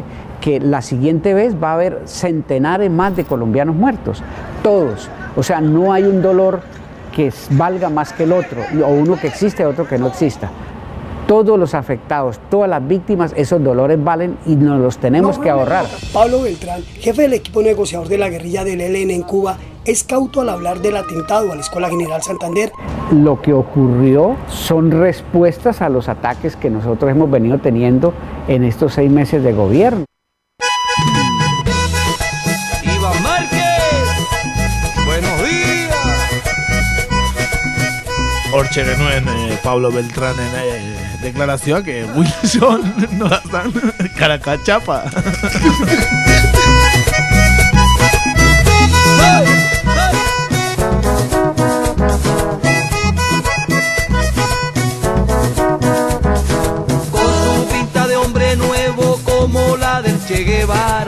como el sol de la mañana se presentó el compañero, con alegría lo reciben los picos de la nevada y aplauden por su llegada las olas del mar Caribe, con alegría lo reciben los picos de la nevada y aplauden por su llegada las olas del mar Caribe, como Juan Salvador Gaviota alzó el vuelo con valor.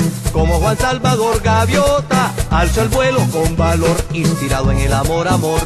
Llegó al frente de sus tropas, inspirado en el amor, amor. Llegó al frente de sus tropas.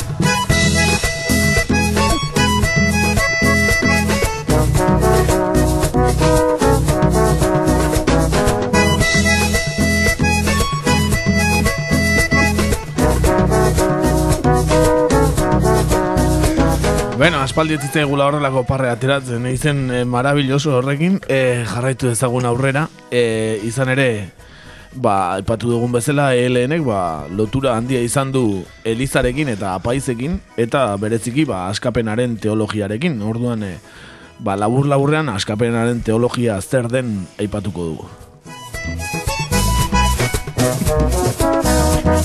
Perseguido como están luchando, los que están bolivariando por la paz como Jacobo, según lo tenían cercado por los montes de Urabá.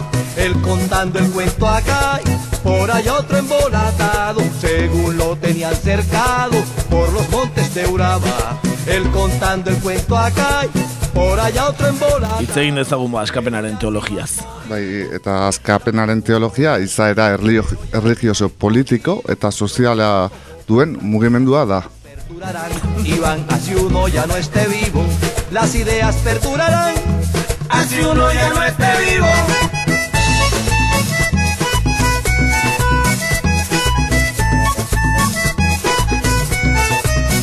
No morirán, no morirán, las ideas de justicia no morirán, si nos descuartizan. Eta esan azkapen, azke, askapenaren teologia hori Vatikanoko bigarren kontzilioaren garaian, mila behatzen da irugaita bi eta irugaita bostean, abiatu zen lati... Lati... lati landu dute eta hori esan bezala ez, Latinoamerikan landu dute bereziki nagusi jesuitek bultzaturik. Las ideas de justicia no morirán, nos perseguirán y encarcelarán. Las ideas de justicia no morirán, nos torturarán, nos masacrarán. Las ideas de justicia no morirán, nuestros cuerpos desaparecerán. Las ideas de justicia no morirán,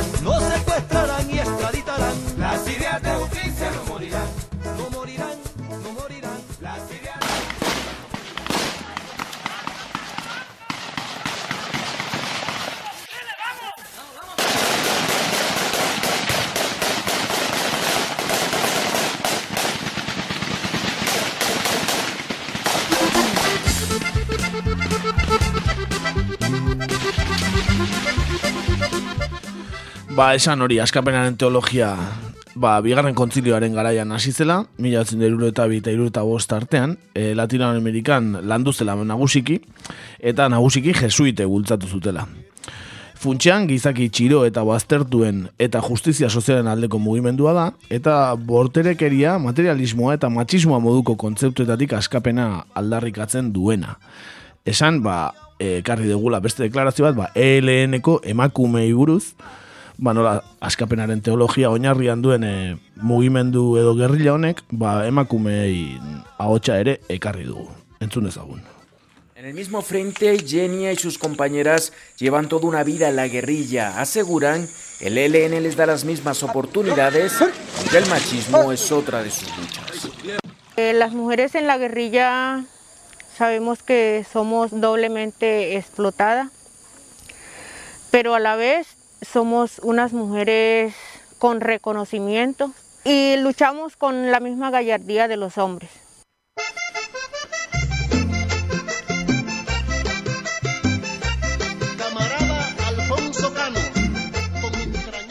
Bai, ez, eta esan nola hasiratik Eliza Katolikoaren goiko hierarkiak aurkakotasuna erakutsi ziola e, pentsaera koronte honi, ez? Bai, irurogeita maikan, Gustavo Gutiérrezek Teologia de la Liberación, Historia, Politika y Salvación aurkeztu zuen mugimenduari hasiera emanez, Indianako University of Notre Damen. Laro lauan eta laro bederatzean Vatikanok, Vatikanoak mugimendua gaitzetxe egin zuen. Eta laro eta bederatziko azarean amaseian, sei jesuita mugimendu zaleak erail zituzten San Salvadorren. Eta tartea zen, tartean zen Ignacio Iacuria eta ezaguna, eh? eta Ignacio Martín Baro. Ba, hori xe, errepasa egin dugu askapenaren teologiari.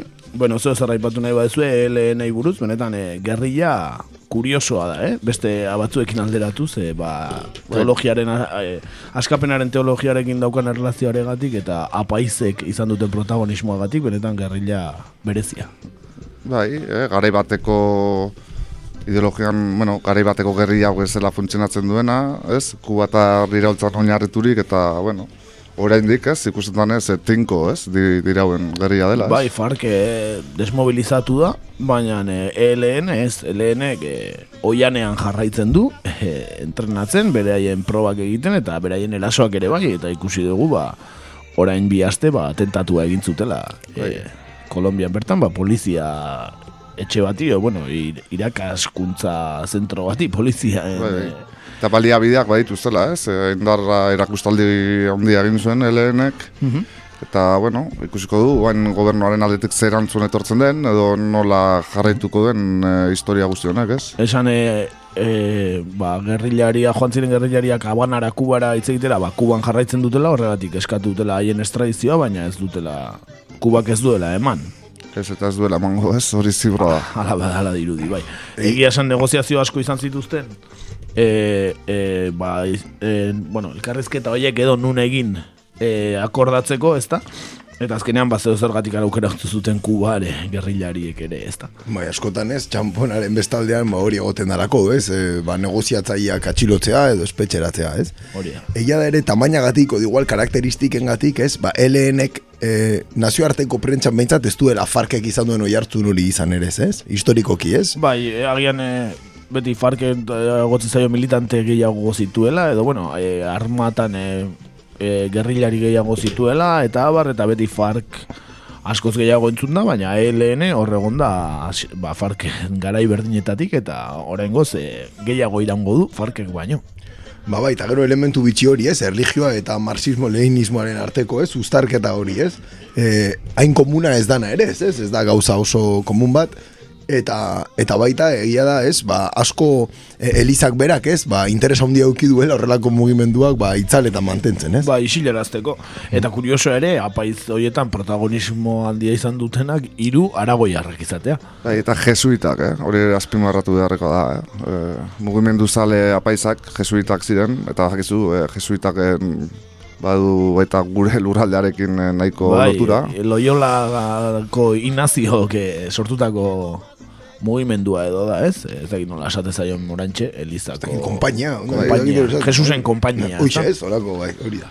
E, ba horixe, e, jesuitak ere gaurkoan e, izpide gurean. E, lehenengo e, PNV-rekin, EAJ-rekin eta antitxabismoarekin ere jesuitak agertu zaizkigu, beste erabateko jesuitak, eta beste jesuita batzu berriz e, gerrilan e, lehenen e, agertzen zaizkigu, eh? Danetik dago jesuiten artean ere. Bai, eta historia polita, Bai. eh, eta bitxia, eh, Espainiara paisa hauen, eta eh, gu- guztiz ez ezaguna, ez, eh, Bai. sataztuta baita igual, ez. eh, Eta balorez betetakoa, ez da bat Bai. ere gauza erresa, ez? Batez ere, ez, ba, liberazioaren teologia hortan, ez, parte hartu zutenek, ba, garesti ordaindu izan dutelako, ez, beraien konpromesua, ez? Bai, hor, bakizu bezala, ez? Lehen aipatu du bezala, e, jakuria aitak eta horiek eh, jasan zuten eraso bortitz hori, eta oa indikan, e, bakizu, e, epaitu gabe dagoen, zea, ez? E, Krimena dela, ez? Hori da. Mhm. Erkeztu segura, ez ere epaitu hor ere ez. Beno, ba, aurrera jarraitu aurretik, efemerideak eta sare sozialak ere baditugulako, ba, guazen e, abestitxoa jartzera. Esan dugun bezala, ba, elkura Camilo edo Camilo Torresen abesti bat ekarri dugu, Victor Jara famatuak egindakoa, Camilo Torresi, beraz, bera entzungo dugu Wilson goratuz.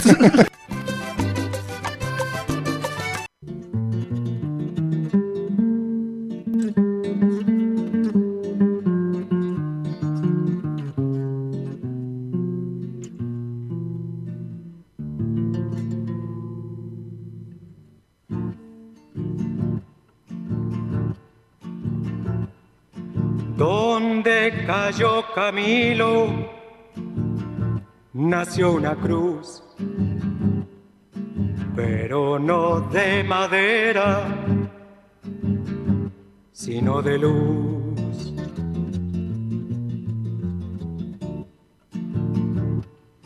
Lo mataron cuando iba por su fusil. Camilo Torres muere para vivir.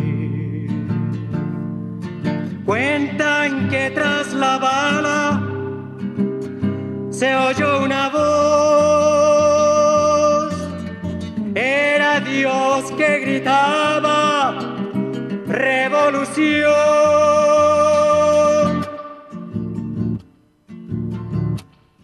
Revisar la sotana, mi general, que en la guerrilla cabe un sacristán.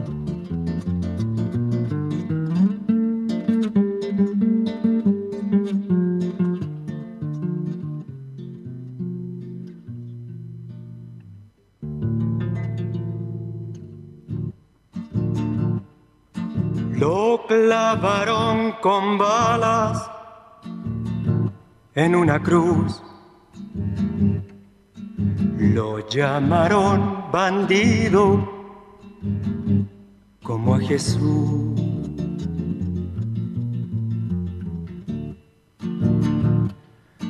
Lo clavaron con balas en una cruz.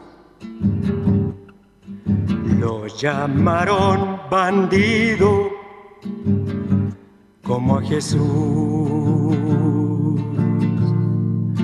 Y cuando ellos bajaron por su fusil. Se encontraron que el pueblo tiene cien mil, cien mil caminos prontos a combatir. Camilo Torres muere para vivir.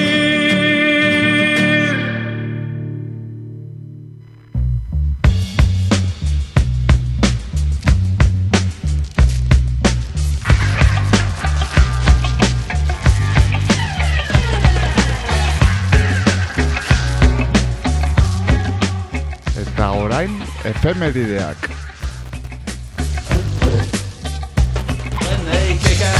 Front door, how you gonna come?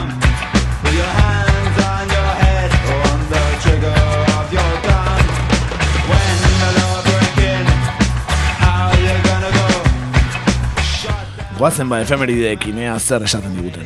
Ba, gaurko egunarekin hasiko gara otxaiaren lauarekin, hain zuzen ere mila bederatzerun da berrogeita bosgarren urtean, bigarren mundu gerraren amaieraren kontestuan, Joseph Stalinek, Winston Churchillek eta Franklin Rooseveltek jaltako konferentzia burutu zuten Krimean, Errusian. Bai, Krimea, bai, askotan hitz egin dugu toki hortaz eta be, aspalditik da famatu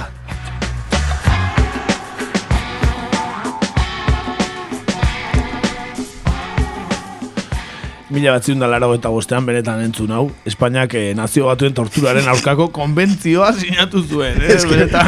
hau- bai dela- Eh, Hau bai dela txistearen mundukoa, eh? Felipe González ni parrezkai da. Alucinante, hortxe, hortxe, efemeride, eh? Jokosoa. Nazio baten torturan aurkako konbentzioa sinatu zuen, Espainiak.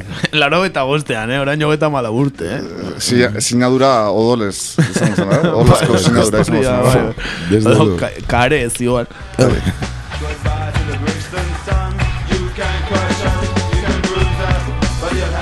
Eta 2004an, Jose Maria Aznar, Espainiako presidenteak, Iraken burututako interbentzio militarra defendatu zuen, bertako kongresuaren aurrean.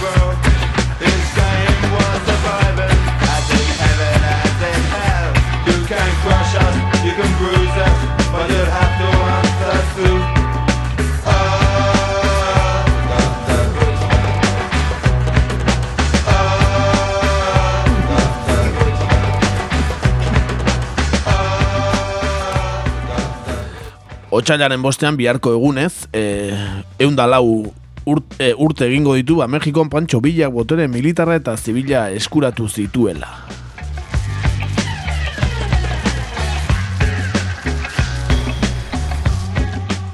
Eta orain, efemerideak. Eta 2002an otxaiaren bostean, Espainian, Baltasar Garzón epaiak segi eta askatasuna erakundeak ilegalizatu zituen eta erakundearen Estrukturak zirela argudiatu. Hori da, barkatu. Ez? Bai, jo, Garzón artera iteke efemeridetan astero, igual, eh, nahi badegu, eh?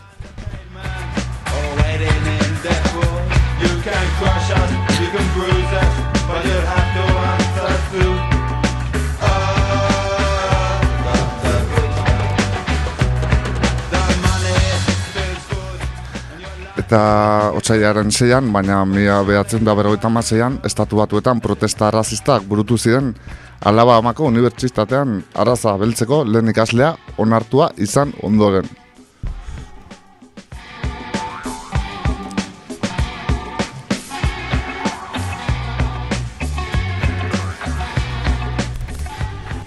Aste azkenean, eh, e, otxailen seian, ba, 2000 garren urtean, Almeriako elegido irian milaka Espainiarrek bertan bizi ziren imigranteak bortizki erasotu zituzten, agian gogoratuko duzu e, eh, entzulerik zaharrenek behintzat.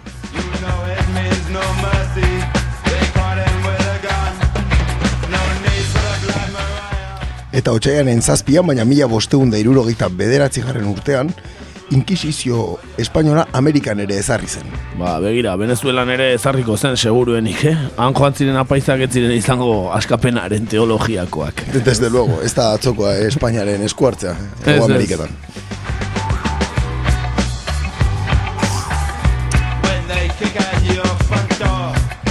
Et, eta egun berdinean, baina larogeita bostean, eta erakunde armatuak Carlos Díaz Arkotxa, ertzentzako buruetako bat, erail zuen gazte izen.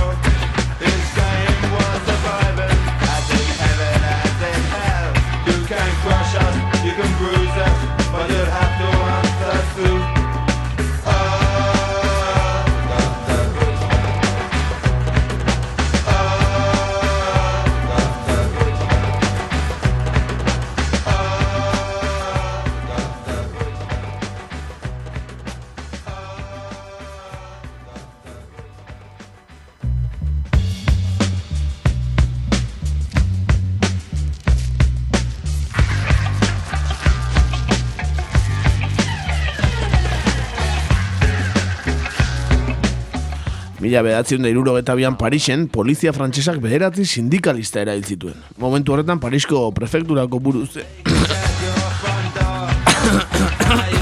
Joe, aurkoan izenekin neharra daukau, eh? Hau Mauriz Papon, haure, kolaboratzaile nazien aurka protesta batean. E, ba hori, momentu horretan Parisko prefekturako buruzen Mauriz Papon kolaboratzaile naziaren aurkako protesta batean hil zituzten bederatzi sindikalista. Mila behatzion da irurogeta bian Parixen, poliziak.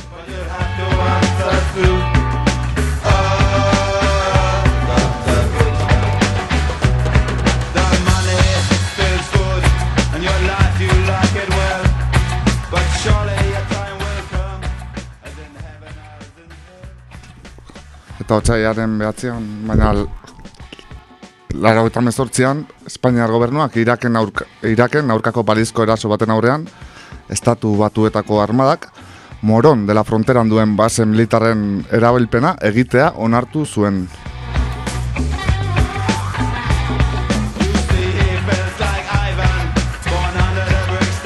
Beno, eta hauek ziren efemerideak, eta orain e, ba, sare sozialekin e, amaituko dugu irratsaioa eta barkatu entzule, baina eske parrez lehertzen aritu gara, e, ba, izen, gaur tokatu diren izenekin. Lehenik eta behin, e, habanako korrespontxalura, eh?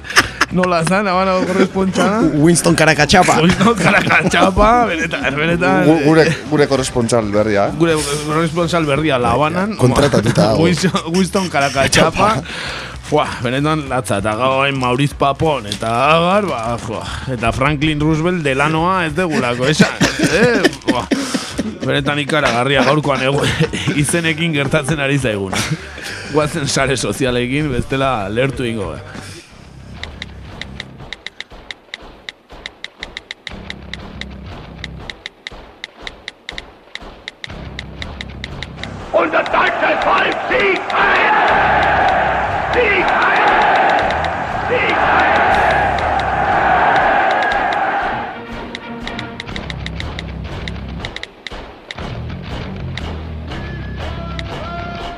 Badatoz SSA. Sare sozialetan egur.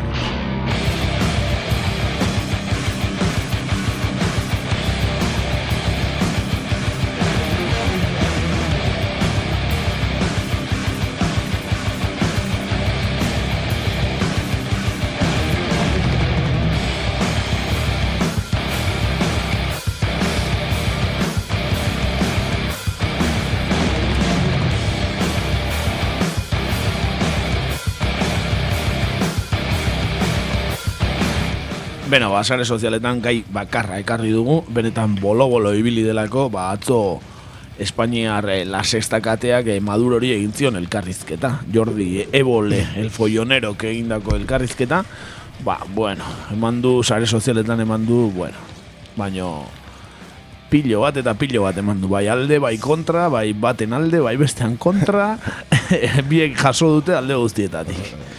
Egia esateko. E, adibidez, bat esatearen, ba, Raulek esaten du mi duda es Venezuela es una dictadura y el que se autoproclama presidente está en su casa. España es una democracia y los que convocan un referéndum está en la cárcel. Algo no cuadra. Eta, benetan, ez? Bai, ezin garbia gara. Bai, Kataluniakoak ez, referendumak konbokatzatik hartzelan daude, eta Venezuelan, e, ba, presidente autoproklamatu den Juan Guaidó aberetxean dago. Gaur ere kalean e, pretxaurrekoa eman du. Benetan, e, sineste zina, baina diktadura venezuelakoa da, Espainiakoa demokrazia. Ba, oso ondo, ba, ekarri ditugu e, korte batzuk Maduro katzo esandakoenak, adibidez, Pedro Sánchezi, eh, Espainiako presidenteria, izan santzion, besteak beste, zala un fanfarrón. Entzun dezagun. Pedro Sánchez es un farsante Ah, es farsante, barkatu. que es el que no ha sido electo por nadie. Yo he sido electo y reelecto por votos populares. Hemos ganado 23 elecciones en 20 años, de 25. Y Pedro Sánchez debería ser el que convoque elecciones para que el pueblo español elija quién es su presidente. Le puedo garantizar que el discurso que usted está haciendo ahora es el que precisamente tiene la derecha española. Tiene la legalidad y la constitucionalidad. Lo que no tiene la legitimidad y el calor del pueblo.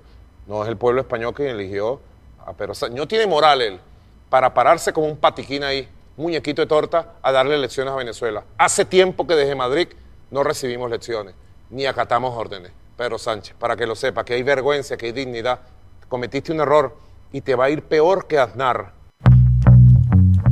Toma, eh? Baina, eh? Etorkizunean ere, okerrago joango zela, aznarri baino, esan du. Benetan. Bai, aurreko astean komentatu gen- genuen moduan, ez dirudi Pedro Sánchez denik ez pertsona egokiena e, hauteskundeak eskatzeko. Ez, egia esan ez. Egia esan ez. E, entzun dez- beste tuit bat ekarri dugu, adibidez, erraidenena, ah, dio, a mí me da pena, comilla artean, ver a esos venezolanos que tuvieron que dejar su país protestando en la Plaza del Sol y que no pueden aparcar sus Mercedes por culpa de la zona azul. Madrid. Y tienen que coger el metro. Cuánta falsedad. Alaxe esaten du, ez? Benetan, ba, bueno, oposiziokoak, eh, ba, ez direla, egia esan, ba, langile mugimenduko kideak ez direla gehienak, ez?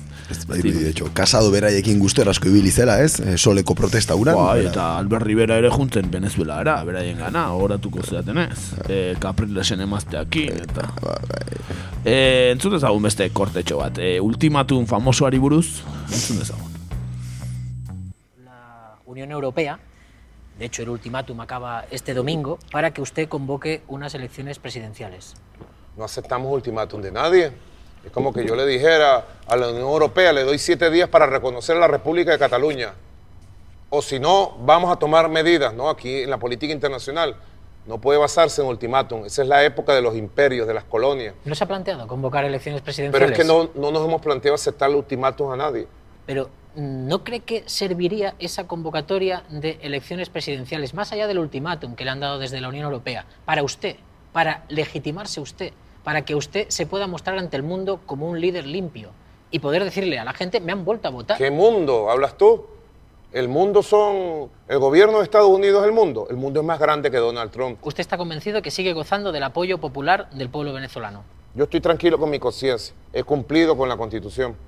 Y además no voy a dar mi brazo a torcer por cobardía frente a las presiones del imperio estadounidense, ¿no? Venezuela se planta con su Constitución.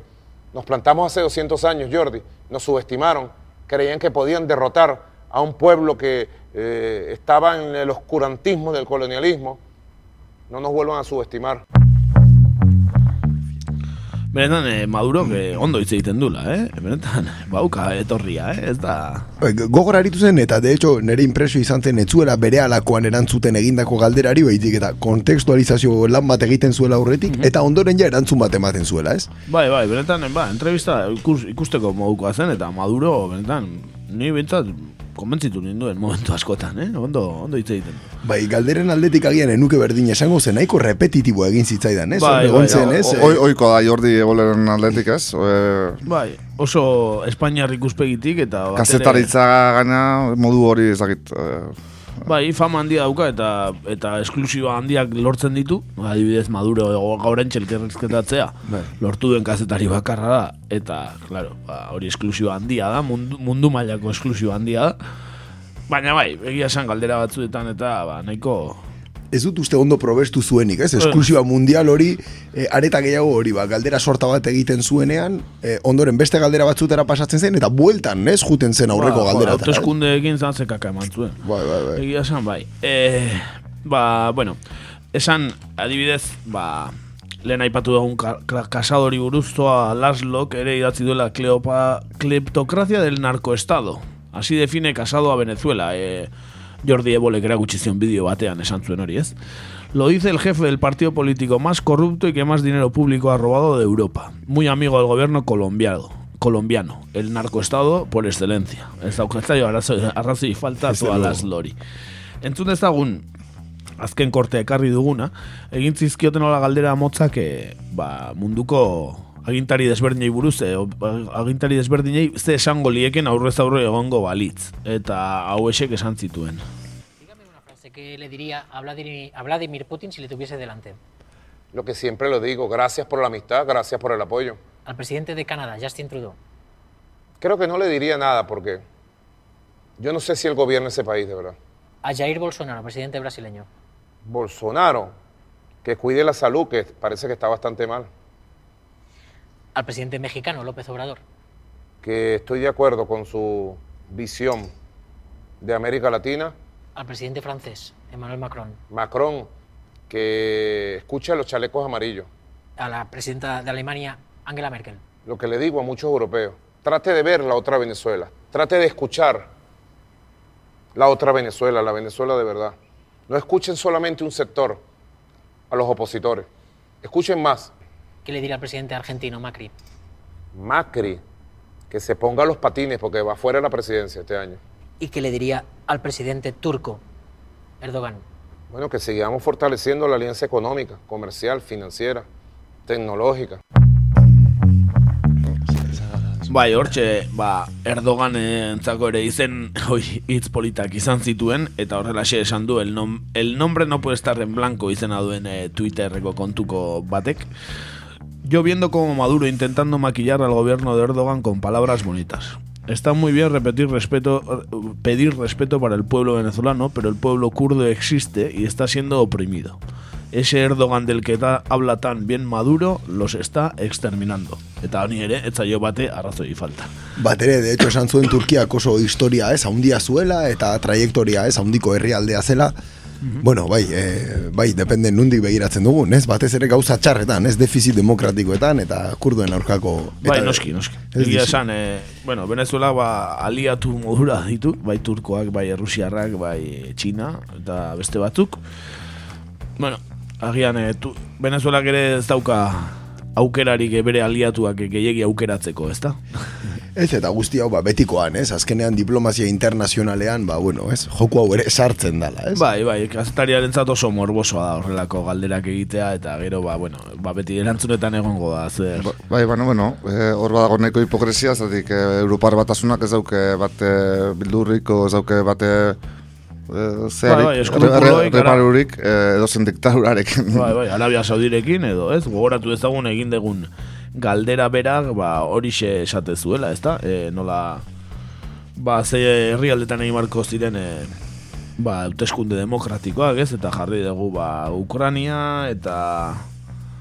Eta, zer Maroko-? Maroko, Hirugarren aukera Saudi Arabia, hori da. eta laugarren aukera Europar Komisioa. Eta emaitza begiratzera noa, baina e, harrapatu nauzue jokoz kanpo. Lasai, bitartean esatea atzoko, ez, elkarrizketan agrabio komparatiboa izan zela, ez, etengabean, areta gehiago nik nire buruari galdetzen nionena, e, estatu Espainiarrean, ez, estatuko burua, hau da, erregeak, bai, horrelako elkarrizketa bat onartuko lukeen, e, Venezuelatik, e, ez dakit, Ipar Koreatik, edo Iraneko kazetari batek egingo balio, ez? Horrela, eh, azkarrean botata, eh? Bai. Edo, edo kazetari kubatar batek, berak, eh, egingo balio horrelako elkarrizketa. Bai, bat, eta mo- hori da Maduroko ere aurpegia eman duela, ez, momentu guztietan, eta, bueno, lehen komentatu ez bezala ganea, e, nik uste dut gana dialektikoki jipoia eman ziola Jordiri, ez? Bai, bai, duari gabe. E, aipatu Twitterren eh, egin dugun inkestan, momentuz hiru pertsona bakarrik bozkatu dutela, beraz animatu zaitezte eta bozkatu. Eta boto bat jaso duela Ukrainak, beste bat Marokok eta beste bat Europar Komisioak. Baina Twitterren kontuak nola diren, Ukrainiari euneko goeta mairu ematen dio, Marokori euneko goeta mairu eta Europar Komisiari euneko goita malau. Beraz, momentuz irabazten doa Europar Komisioa. Bueno, hortxe, ez Twitteren algoritmoak. Bai, eukiko du hor eh, Twitterek ere... Eh, Eskuartea. Hori da. Bai, bai, hori ere norbete kontrolatuko du. Ez dut uste, Maduro kontrolatuko duenik. E, bueno, ba, hau izan da gaurko dena, e, gure parre algara atakea eta guzti. Benetan gaizki pasa dugu, ondo eta gaizki bi gauzak batera. Hori da batera, oso zaila esplikatzea. korrespontsal berri horrek... Eh, Bai, bai, Wilson kara katxapa zen, eh? Benetan, eh, ea, ea jartzeri daukagun zati hori. Saiatuko gara, eh, Wilson kara katxaparen zatia. General Santander, contrario a lo que decían que del Comando Central del ELN no sabían de este atentado. Winston Viracachapa, enviado- Ah, no, no, no. nuestro enviado especial Winston Viracachapa. Winston Birakatxapa, benetan izen bikaina. Gure, gure korrespontxal berria da, Bai. dudari gabe. Plantillako kide bihurtu da gaurkoan, berak jakin gabe ere, baina bueno, aste honetan kontaktatuko dugu Winston birakatxaparekin, eta bueno, ba, Benetan parreal gara ikaragarria bota ditugula, eta barkatu entzule, baina ezin genuen geratu. Benetan ikaragarria. Gogorra izan da, eh? Bai, Winston karakatxap, bire, bikirakatxapa. Jo, eske, benetan izen bikaina dauka, eh? Winston Ez birakatxapa. da, ape, eh, abizten euskalduna ez da izango, biraka, nola Bai, bai, du? birakatxapa. eh? Ba, baliteke, eh, bizkai aldeko... birakatxapako, ez? Ah, Birakatxapa baserriko Winston. Izan daiteke, bai. e, bueno, ba, hemen txe uzten dugu, e, gaurkoan nahikoa. Eta bestitxo bat ekarri dugu, e, eta honen izen ere Michael Kiwanak, Kiwanuka. bueno. Kiwanuka, oitxe, bera. Onargarriagoa, onargarriagoa, eh? Michael Kiwanuka, ez Benetan, da? asko zonargarriagoa. Michael Kiwanakaren Black Man in a White In a white world, hori da. Bai. eh? gizon beltza mundu zurian. Bai, uste tituluak dena esaten duela, ez? Nola, nola moldatu daiteke, ez? Gizon beltz bat mundu zuri honetan. Hori da, ba, bueno, mila esker horregoteatik entzule, eta horrengo astean ere hemen izango gaituzue. Bai. E, espero dugu, ba, puntual gaur bezala, eta agian pixka laburrago, pixka luzatu gara, barkatuko diguzue, baina e, hola dira zuzenekoak, eta ba, Winston birakatxapak e, agindu digu aktualitate oso osoa. Beraz, e, mila esker horregoteatik, eta urrengo astera arte. Ba, gaiztok izan. Ondo izan. Gora Winston.